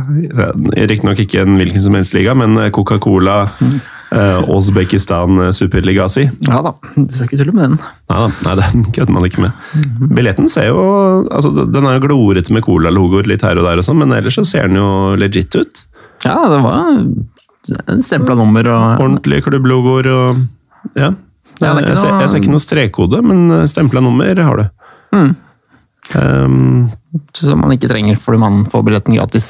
Ja. Men eh, nei da, det var, eh, det var en ganske ålreit kamp, faktisk. Så ja, ja, du snakker om det som om dette var verdt å oppleve. ja, det vil jeg absolutt si. Mm. Eh, så- men eh, stemninga var litt sånn eh, Det var jo ikke eh, heksegryte, som man gjerne bruker om eh, mange land litt østover.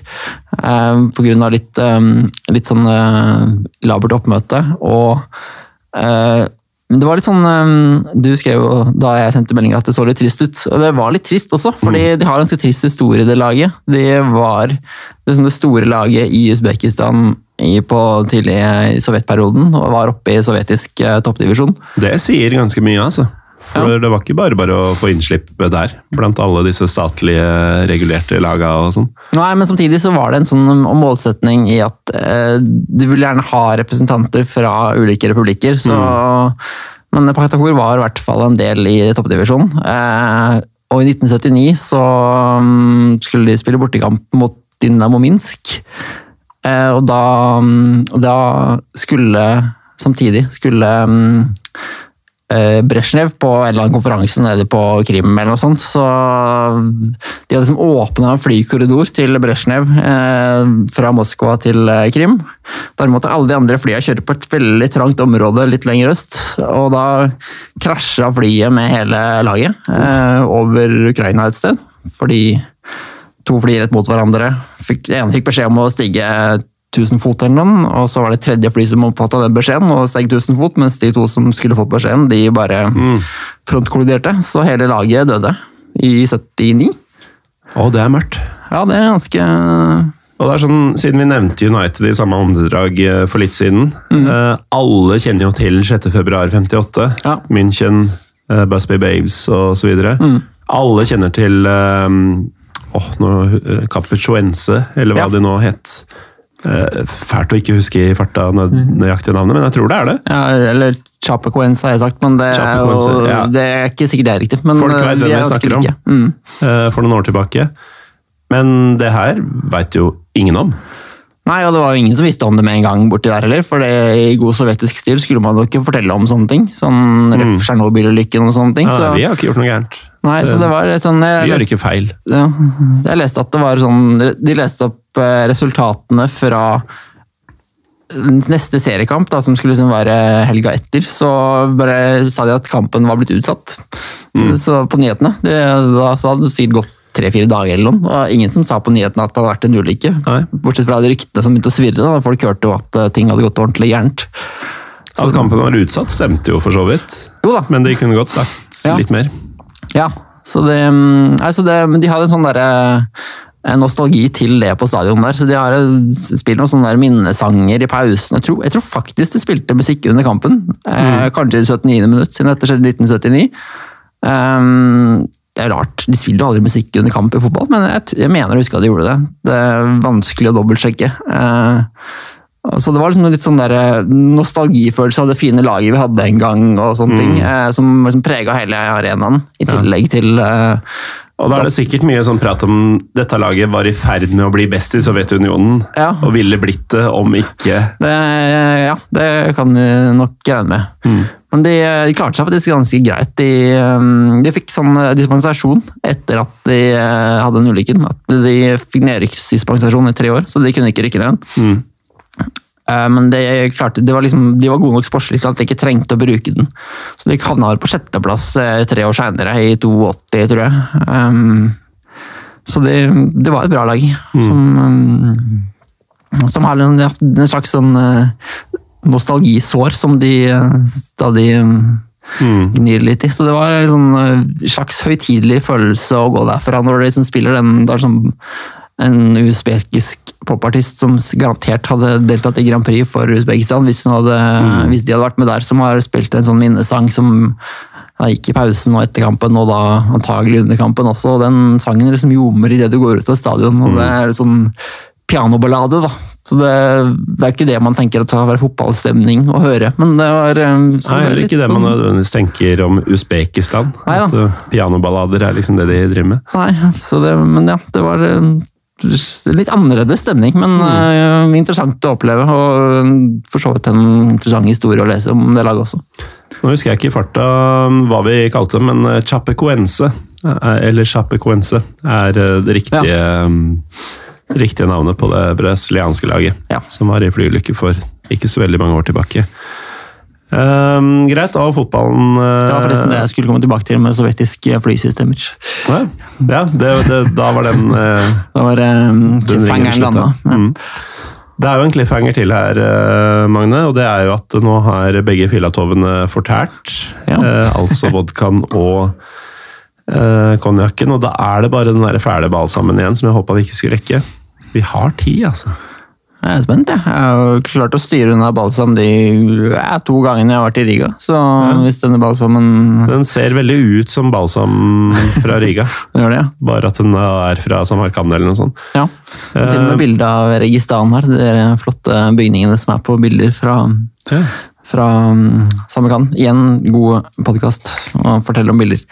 Jo, men akkurat Registan er jo Er det i Samarkand? Ja. Ja, for det, det gjør jo dette litt mer håndgripelig for lytterne, kanskje. Det har Ja. dukka opp en restaurant i Oslo som du var på i dag. I dag. Jeg måtte, siden jeg brukte så lang tid på å skrive artikkelen, måtte jeg komme tilbake i den usbekiske stemningen. Så ja. Ja, for det er rett og slett en usbekisk restaurant som har åpna ganske nylig i, eh, på Grønland i Oslo. Stemmer. Um, Du som jo har vært i Usbekistan og nå nylig var eh, og spiste en slags lunsj, eller hva vi skal kalle det. Det er såpass mye um, balsam man skal ha i glasset. Um, Vi skal jo litt innom mat og drikke generelt, men uh, kan jo starte med den ene usbekiske restauranten som jeg tror er ganske eneveldende eh, i, i Oslo. Um, er det legit usbekisk mat man får? Det, det er i hvert fall de samme rettene som står på menyene i eh, Samarkand og Ja, i hvert fall Samarkand, som er litt sånn tradisjon. Kanskje ikke så mye Tasjkent, for der har de alt annet også. Men du får plov, som er en slags gryte med ris og kjøtt og mye fett og greier. Er det den som ser ut som den har alt på? Litt sånn der everything on the menu kasta på en tallerken? Ja, ja, det er jo en slags lapskaus med Ja. ris i stedet for uh, det man har i norsk lapskaus. Mm. Um, og så er det noen sånn dumplingslignende greier, Uh, og mm, og mm, eh, Somsa, eller samsa som det heter, som da høres ut som samosa og er omtrent som samosa. Sånn innbakt uh, kjøttegreier. Eller innbakt Innbakt spinat og kjøtt hadde vi vel på den jeg kjøpte i dag, i to Ja. forskjellige varianter. Altså, det de ikke hadde, var den, kanskje det mest typiske for Usbekistan, er at de nan, som det har som India, det er brød. Mm. de har, eh, sånn, det ser ut som en bagel, men de har fylt ut midten, og så tegner de masse mønster i den. Og de mønstrene er visst sånn familie- eller stedsspesifikke, så de er veldig stolte av de brødene. At de skal se ut sånn som de gjør hvis du kommer fra det stedet eller den familien. At det, sånn ser vårt nan ut, da. Det er en greie. Så det Ja, det Men det var fraværende på jeg bestilte jo nan-kebab, så jeg fikk jo en god kebab i et brød, men det var ikke det der mønsteret som jeg, er en slags signatur. Det var mye av det på den basaren jeg nevnte i stad. Ja. Men eh, generelt, hvis man er nysgjerrig på mat fra mm, spesielt Usbekistan Men jeg antar jo at det er ganske likt i nabolandene også. Selvfølgelig med visse variasjoner, men Vi hadde en sånn go to-greie. Vi, vi ramla innom et par restauranter hvor liksom ingen skjønner et kvekk engelsk, og menyen er kanskje skriftlig, eller øh, kanskje ikke. Og så vi s- bestilte Det får du godt grilla kjøtt. på Ja. Ja, og så tre løkskiver og en tomat. Ja, det, men det er stort sett alltid godt, da. Helt til du liksom spør om hva slags kjøtt skal du ha, og da, hvis du får fire alternativer og ikke skjønner hva han sier, så kan du prøve å ikke treffe det verste ja, prøve å ikke få pungrott, liksom. Ja. Men nei, altså det, det hadde de ikke, men det var vel ikke noe særlig borte i Usbekistan heller. Det var mer i Kasakhstan, hadde vi et par sånne Men, det, men det er verdt å sjekke denne restauranten hvis man vil prøve mat fra fra regionen, Ja, og spesielt Usbekistan. Ja, det var, det var godt. Mm. Ja, men det, det, jeg, må, jeg må jo komme meg dit. Ja. Um, og da er vi egentlig inne på uh, oppløpssida her. Altså, du skal selvfølgelig få lov å fortelle om Samarkand og andre steder du har vært, men jeg er veldig interessert i eh, åssen er folket du møter, åssen er maten og drikka generelt og sånn. Vi kan jo starte med, med folk. Åssen er den jevne usbeker? Ja, eller, ja, nå var jeg kanskje litt kjapp, fordi veldig ofte så er jo gjester som forteller om litt eksotiske land. De har da vært der med en kompis eller vært Ja. der aleine. eller noe sånt. Du har vært der med kone og barn. Man kommer kanskje ikke så mye prat med lokalbefolkninga da? Uh, nei, eh, litt ja, fordi barn er jo en slags icebreaker, men mest nei, fordi man er jo litt så lukka som en familie, fordi man er opptatt med sine greier, så det blir ikke så mye, men du snakker jo kanskje med folk på kafeer, sånn som, som folk vi bor hos. Eh, rakk jo bo to steder i hvert fall, ja, i Samarkand og Tashkent, og men ja, eh, de vi snakka med, bodde hos, de var veldig hyggelige og fortalte mye. Vi bodde jo vi bodde en hjort på en sånn overnattingstur òg, forresten. Så vi hadde en guide og en, eh, litt folk på en, eh, en hjortcamp også. Det er mulig vi må forklare hjort for eh, en del av lytterne her. Eh, Nomadetelt, eh, vel. Ja. Som, ja. Det, vi hadde lyst til å gjøre det da vi var i Sentral-Asia i 2016, men eh, vi fikk ikke gjort det, så da Gjort det. Åh. Eh, jeg jobber i avis. eh, Det, det der var nesten ikke lov. Men ja, så vi fikk en sånn tur i usbekisk ørken, med både ute i ingenmannsland og så vi en hjort med tjukke tepper og hyggelige folk. Mm. Vodka var gratis, alt det andre kosta penger. Ja. Um, men ja, nei, folk eh, De vi snakka med, var veldig hyggelige og kunne fortelle oss mye, og sånn, men jeg tror sånn de man ikke kommer i kontakt med fordi man har noe man skal snakke med dem med i utgangspunktet, de er så litt reserverte, tror jeg. Mm. Um, vi kunne sikkert funnet noen på den fotballkampen og prata med, og sånn, men du får litt, litt den følelsen av at når det Vil ikke presse deg på folk heller, hvis det ikke virker naturlig for dem. Og Nei, altså, ja, sånn som dere billettselgerne som helst ikke vil snakke, bare peker deg videre til neste kø, liksom. Det er ikke, så det er, jeg vet ikke om det er fordi det er så strengt politimessig og, og sånn, men ja. Ja, for det er, jo, det er jo et ganske Vi har vært innom det, men det er jo et ganske kontrollert land. Mm. Um, kontrollert er vel også den eh, balsamen vi sitter og drikker nå. Det, jeg kan jo fortelle som en som har smakt Riga balsam, Ja. dette er samme ulla, altså. Er det. Mm. Ja, det, det ble en aldri så liten grimase mens du prata i stad. Jeg så det. Eh, det, det får bli mellom oss to. Ingen av de som hører på som trenger å vite det. Men eh, ja, du, altså, du nevner at vodkaen var gratis.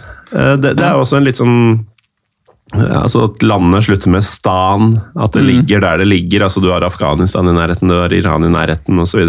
Mm. Uh, ordentlig drekkakultur, eller? Ja, Det mye. Ja, ja, det, ja, det var mye jeg, ja, det, er, det, er de, det er et par-tre ting jeg søker etter når jeg skal besøke nye steder. Jeg søker etter hva jeg kan få tak i god øl, god kaffe og ja, generelt sånn litt rare ting å se. Um, og det var mye sånne små mikrobryggerier. Det var ikke veldig, var ikke veldig spennende mikrobrygg, men de har liksom en slags pale ale og en brown ale og litt sånn forskjellige ting. Um, det var et sånn eget nabolag i Samarkand, i hvert fall. Tarskheim har litt sånn ymse greier her og der, fordi det er en moderne by. Samarkand var litt mer sånn Der var det veldig sånn Her er du i Sovjet, og her er du i gammel uh, sentralasiatisk uh, Gå deg bort i gamle bygater. Mm. Silkeveien, gamleby, Ja, det var, altså hele pakka. vi surra oss helt bort, og det regna, og det var uff. Eh, Mens andre steden så kunne du gå inn i en øltønne, som var liksom inngangen, og så kom du inn og hadde bryggeriet og masse øl og fullt av røyk i lokalet, så vi måtte rømme igjen selv om vi hadde med oss med en liten unge. Men det var eh, Så de, de er glad i både øl og sterkere saker. Altså. Så, Og dette er Usbekistan, men eh, gjelder det samme for si, altså Kasakhstan? Man skjønner jo at de drikker. Det er jo det, er, det, er jo det mest russiske av disse landene, har jeg Ja. inntrykk av. Ja. Men eh, sånn Kirgisistan og Tadsjikistan, er det er like frittflytende?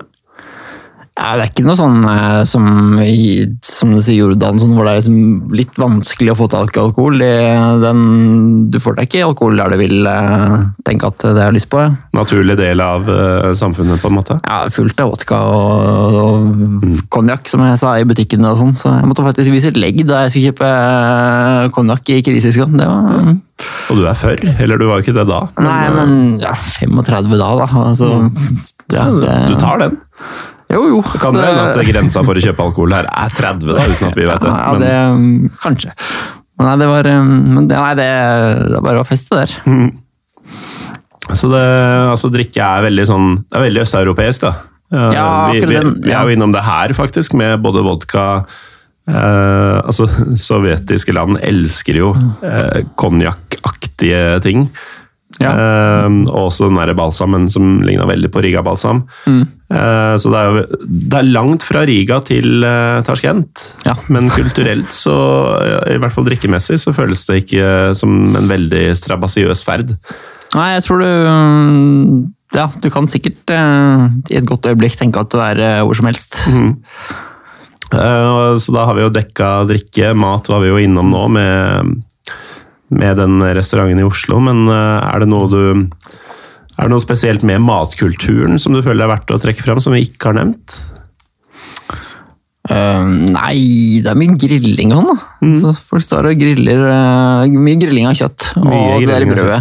Det er kjøtt og brød. Er det, Kjøttbrød og ris, sikkert? ja, ris kommer i den der plow-gryta, ja. Mm. Ja, men det, det er jo egentlig alt man trenger. Ja, det, det, det er litt tur, det. det. Det, man kan klare seg. Mm. Med rik, rikelig med både sterk og ikke så sterk drikke. Ja, Grilla kjøtt, brød og ris. ja, det var uh, De spiller fotball. De ehm, Ja. Uh, ikke like varme og åpne og inkluderende som f.eks. iranerne, som vi hørte om i forrige episode, høres det ut som. ja, Men det kan ha litt sammenheng med både sovjetisk innflytelse, altså at de har blitt litt sånn russifiserte i væremåten. Ja, jeg tror det, altså. Og, um, og at det er veldig sånn streng kontroll. At man ikke vil surre seg bort i noe man ikke har kontroll på. Det var altså litt sånn Folk, ja, folk er eh, de du kommer i kontakt med fordi du må, holdt jeg på å si. De er eh, veldig hyggelige. Vi hadde en eh, litt sånn trøblete episode. eh, hvor vi hadde vært i og spist middag på um, en plass i Tasjkent. Grilla masse kjøtt og spist og sånn. Og så skulle vi tilbake Nei, ikke Tasjkent. I Samarkand skulle vi ta taxi tilbake til eh, Fra sovjetbyen til gamlebyen, der vi bodde. Um, gå ut av taxien, taxien kjører. Vi skal skrape sammen sakene og trille den barnevogna tilbake til hotellet og finne ut at passene våre ligger igjen i taxien. Ei. Det er jo litt leit i et land som er nummer 140 av 180 på den der Transparency sin korrupsjonsindeks. Altså, men det, folk var veldig hjelpsomme. da. Vi durer til nærmeste hotell og prøver å ringe til taxiselskapet, som vi tilfeldigvis vet hva heter fordi vi tok et bilde av taxien. Og det er ikke alle som gjør. Nei, Sånn, det, er, det er ikke gitt at dere veit hvor dere skal begynne å leite. nei Vi la det igjen i én taxi, ville de fleste sagt. Ja, Den var hvit, eller den var gul. Eller, ja. Men det hjalp ikke, da, fordi eh, de visste jo ingenting. Så vi måtte prøve å ringe et sted vi hadde vært, og høre hvor de hadde bestilt taxien. Men vi klarte ikke å finne igjen det stedet. Så endte det med at jeg måtte ta en annen taxi tilbake til Eller ikke en annen taxi, han ene som jobba på hotellet, han stilte opp og kjørte meg. Dette skal vi hjelpe dere med. Han tilbake til det stedet vi hadde bestilt den første taxien fra. Og så Hei, her er jeg igjen. nå, her er du. Ja, var jo du her igjen, liksom? Så da var det Nei, du må nesten ringe den taxien du ringte til meg i stad, fordi jeg trenger å få tak i han en gang til, for jeg har en veske liggende igjen i bilen hans. Um, og ja, det går fint. Han ringte, og um, han tar- fyren kom tilbake, da. Hadde, han var tydeligvis ferdig på vakt, for han hadde fire kompiser i bilen. og han var storfornøyd da han kunne overrekke den der veska med passet til meg igjen. Og um, jeg ga han eh, 10 000 som, som det vel heter, til å Det er ikke så mye penger, men det er den største selv du får tak i borti der, så han kunne eh, ha en god kveld med gjengen. Og det ble god stemning i taxien. Og, så det, ja, folk er ikke vanskelige, selv om det er sånn, kanskje litt lukka og tilbakeholdne. Hvis du først kommer innpå, så er det bra. Og så måtte jeg ha et runde med turistpolitiet, som hadde blitt ringt opp i mellomtida. Og de måtte ta bilde av oss at situasjonen hadde låst, løst seg. Ja. For da har liksom de også gjort en eller annen jobb, selv om vi gjorde alt sjøl. Ved hjelp av Det handler i medlemsbladet eller et eller annet sånt. Ja, ja, sikkert et eller annet sånn at nå har vi faktisk Turistpolitiet redder dagen Ja, for vi har eh, noen. norsk familie. ja. Så det var eh, litt stressende. eh, Men eh, folk var hjelpsomme, og det løste seg fint. Men det er jo sånn type situasjon som Nå har det jo ikke vært så mye av det de siste par årene pga. Det, det har foregått sånn pandemi. Vet ikke om du har fått med deg det? Dessverre. Men eh, det, det har jo vært en del folk opp igjennom som har kontakta Pyro og Pivo fordi de har tenkt at nå har vi hørt så mye gøy om f.eks. Serbia at vi har tenkt å ta en tur, og så bla, bla, bla. bla. Um, det er jo da sånn at folk som ikke har vært ute en regnværsdag før, eh, nok ville mista hodet i mye større grad enn det du gjorde. Da du skjønner at jeg, kona og barnet har plutselig ikke passa våre, og vi er i Ja. Usbekistan. Jo. Det, Og alt ordner seg jo alltid. ja, ja. Det, kanskje. Nesten. Men det pleier jo det. Ja, det jo det. Jeg er, kona er heldigvis enda mer laidback enn meg. Så det, men det Jeg blir jo stressa, da. Herregud. Ja, man blir jo det, men- Men man kommer altså, Men å er ikke- håndtere stress og bare sånn Nå er det et par ting jeg må gjøre. Det er ikke sikkert det funker, men det er eneste veien. ja. Det, det kan gå, men hvis jeg ikke gjør det, så går det ikke. Hvis ingenting funker, så det er ikke sånn at det blir Det blir ikke stranda i Usbekistan. Du, du blir jo sendt hjem på et eller annet tidspunkt, mm. på et eller annet måte, og så koster det kanskje noen kroner mer enn du vil ønske deg, men dette, mm. det løser seg jo. Eh, Så For det høres ut som et mareritt for eh, si åtte av ti nordmenn, da. At eh, Ja. det, det her er det verste som noensinne kan skje, og har skjedd noen. Men, Ja, det- men det gikk helt fint. ja, det, det var jo to timer med høy puls der, Ja. men det, det Ja, det Hadde dere ikke funnet passet, så hadde det også løst seg. Ja, ja, det er ja. Så kona mi er litt bedre enn meg til å vinne meg på de tinga der, men mm. det er litt sånn Vi blir ikke sittende på gata her og gjøre ingenting. Det, mm. det, det går seg til, dette her, på et eller annet vis. Og det er jo kanskje den tankegangen man må ha hvis man skal på familieferie til fuckings Usbekistan. Uh, vi, vi kom oss aldri til Samarkand sånn i, i samtalen organisk, men uh, utafor Tasjkent, er det noe du føler åpenbart at eh, folk må se hvis de først er, eh, er der? Samarkand, eksempel. Ja, det var, det var stille. Jeg, Det er verdt det. Ja, det syns jeg. Det er, eh, altså, jeg er glad i ting som ser fint ut. Litt sånn fotografiinteresse, men også bare sånn se store, fine bygninger og gå rundt i de derre sånn, det er jo de der Registan som er tre sånne svære si, omvendte kupler. Det som kuplene går inn i bygningene, eh, som står mot hverandre på et sånn gedigent torg. Og så er det en sånn egen gate hvor det går opp mellom eh, masse sånne mausoleer i masse blå fliser i alle retninger. Og det er veldig det er litt det er ganske stille, det er veldig fint. Eh, og så er det litt sånn en slags sånn tydelig eh, følelse av at det Så det mm, anbefales. Og så er det jo litt rotete by ellers, med, som sagt, veldig delt med moderne Sovjet, i den grad Sovjet er moderne i den ene enden, og enda eldre Altså, Hvis du er i Samarkand, så er jo det Sovjet er moderne sammenligna med hva det har vært. Ja. For dette er jo da eh, et knutepunkt på Silkeveien. Og Silkeveien var um, i god tid før Sovjetunionen fantes. Før i det hele tatt mm. um, uh, sosialisme, kommunisme og sånn fantes. Som gjorde, gjorde grunnlaget for at Sovjetunionen i det hele tatt kunne eksistere. Nå høres jeg full ut. Eh, og det kan ha litt med disse tre kjappe spritene fra Samarkand, eller i hvert fall fra Usbekistan, som du serverte. Det er mer igjen. Ja, men det trenger det, det trenger vi ikke. Ehm, for sånne som meg, da, Magne, som har tenkt på i mange år å dra til denne delen av verden. Det er ganske åpenbart at du anbefaler det. Men uh, Ja, jeg vil jo, det er få steder jeg ikke ville anbefalt, så jeg er litt rart skrudd sammen der. Men eh, jeg syns dette er kulere enn mye annet. Litt fordi det er så annerledes. Ja. Men hvis man tenker sånn Jeg jobber jo i skolen, så for meg så er jo Altså, sommeren er litt uaktuell for å dra til sånn ørkenland og Ja, det blir sånn. varmt. Så la oss si påsken, for eksempel, da. Som du jo har vært der. Uh, hvis jeg tenker å skru sammen på en sånn tidagerstur Kirgisistan og Usbekistan, høres det ut som en god idé? Eller ville du anbefalt en annen variant? Uh, ja, du må nok ta fly mellom landa, men det må man nesten gjøre. Fordi tog er, tog er dritkult hvis det går, men det, det må du kanskje gjennom et tredjeland og litt kålete. Men ja, det ti dager på de to landene til sammen var vel omtrent det vi hadde. Så det mm, Fire-fem dager i hver. Ja, noe sånt. Så, du, kan, altså, du trenger jo ikke nødvendigvis å dra til Tasjkent og Bishkek, fordi det er Begge er litt sånn Samme ulla. Ja, det er hva skal jeg si, sovjetiske hovedstader som har fått et preg av eh, en litt mer moderne verden, begge to. Mens utkant-Krisistan, som de fjellene var i, og Samarkand, eh, eventuelt Bukhara, som har litt av det samme sånn historiske i Usbekistan, får du jo ikke andre steder. Så, så ta én av storbyene, eventuelt begge litt kortere, og så oppleve litt fjell. og- Lande og ta den ene natta i, i hver av dem, og så komme seg av gårde. Ja, for eksempel. Ja, så det, men det, det, det er ikke det verste man kan gjøre i en påske. Og det er jo sikkert ikke det dyreste man kan gjøre i en påske heller, for det er ikke så veldig dyrt borti der. Nei, for det, det har vi jo egentlig ikke nevnt. Altså, Fotballkampen var gratis, men det kan hende at det, fotball er gratis der. Eh, men åssen er prisnivået ellers? Da du ga 10 000, hva var det du kalte det? Lov? Eh, Som, heter Som, det vel. ja. Ja, Hvor, hvor mye er det? Nei, er det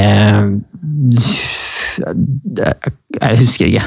Kan det, det er sikkert 100 kroner eller noe sånt. Kanskje, okay. kanskje litt mer, men ikke 100-200 kroner, tror jeg. Men du, du kona Ja, nå drikker Drikker. eh, spiser for så vidt ikke en sju måneder gammel eh, unge noe særlig fra menyen heller.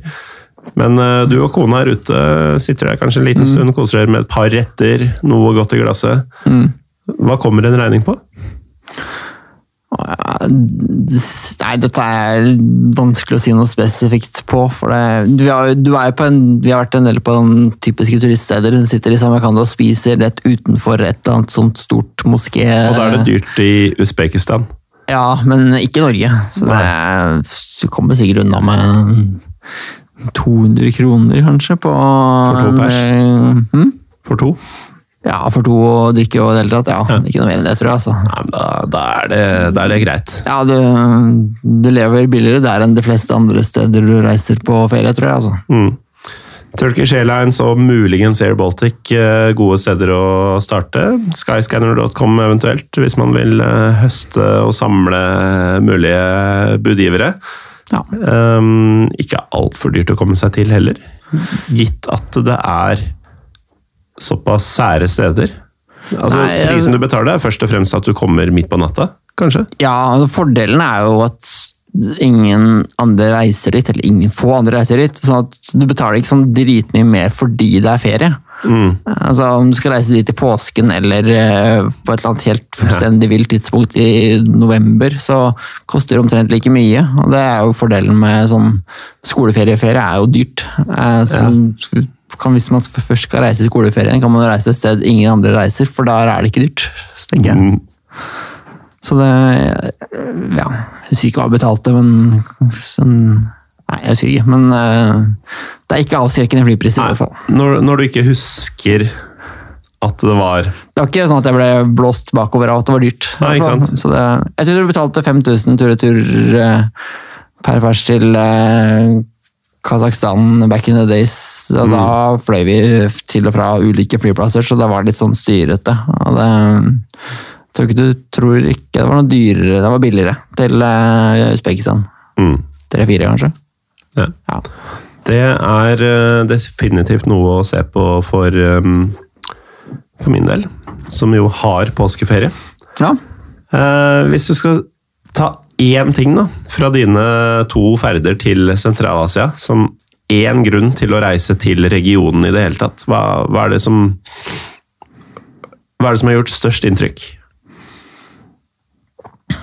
Um, det er litt det er todelt. Jeg syns én ting, så sier jeg til to. Det er litt at det er ingen, nesten ingen turister der. Så du blir eh, både liksom spesiell fordi du er turist, og samtidig ikke spesiell i det hele tatt, så ingen bryr seg om deg. Og det er litt deilig. du, hvis du har lyst til å være anonym, så får du lov til det. Hvis du har lyst til å snakke med folk, så er de ganske begeistra fordi det faktisk er turister der. Og så er det sånn fjellene og naturen her er jo kjempefin, så hvis du er keen på å ta en Du har jo topper på 6000-7000 meter rundt deg hvis du har lyst til å gå en tur i fjellet, så det Og de færreste trenger 6000-7000 meter hvis du først skal gå en tur i fjellet. Ja. Nå, nå er det torsdag og fri, eh, folkens. Skal vi, skal vi vandre litt? Hva med en 5000 nei, meters stigning? Du kan gå på to, og så kan du se opp på den på fem. Det er ganske ålreit, det òg. Ja, men mulighetene fins, da. Ja da, det er er, mye, det, men det er fint her. Altså, hvis du kommer liksom litt ut av tjukkeste byer, sånn, så er det mye Mm. fint å se sånn naturmessig. Og ja. Og det også er jo noe som har øh, øh, har en parallell til Kaukasus, da, som er et sånn felles møtepunkt for oss, er jo at eh, jo, det er kule byer, både Jerevan og Tbilisi, men eh, gud bedre landskapet rundt i landet. mm, Uh, og det er litt den følelsen jeg får av det du sier nå også, om ka kanskje enda mer spektakulær uh, ja, setting. sånn, for alt jeg sa om den der litt harry turistresorten 2000 meter over havet der, så er det jo kjempefint rundt der. Altså, du sitter og ligger på stranda og ser på snødekte topper rundt det. Det er litt rart, men det, Mm. det er jo kjempefint og mye spennende å oppleve rundt der. Så, så.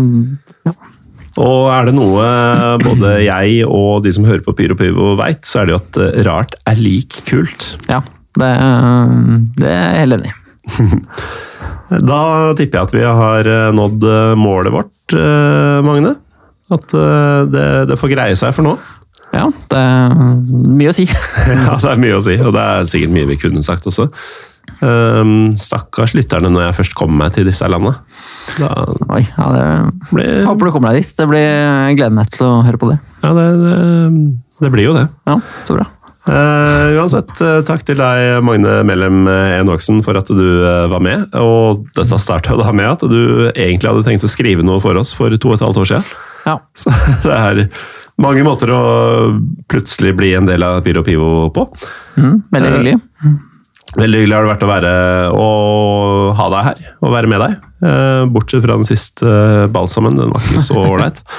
Eh, takk til deg som hører på. Vi er PyroPivopod på Twitter og Instagram, og vi høres eh, Ja, jeg pleier å si vi høres neste uke. Jeg pleier for så vidt å si vi høres neste gang, men vi høres når vi høres.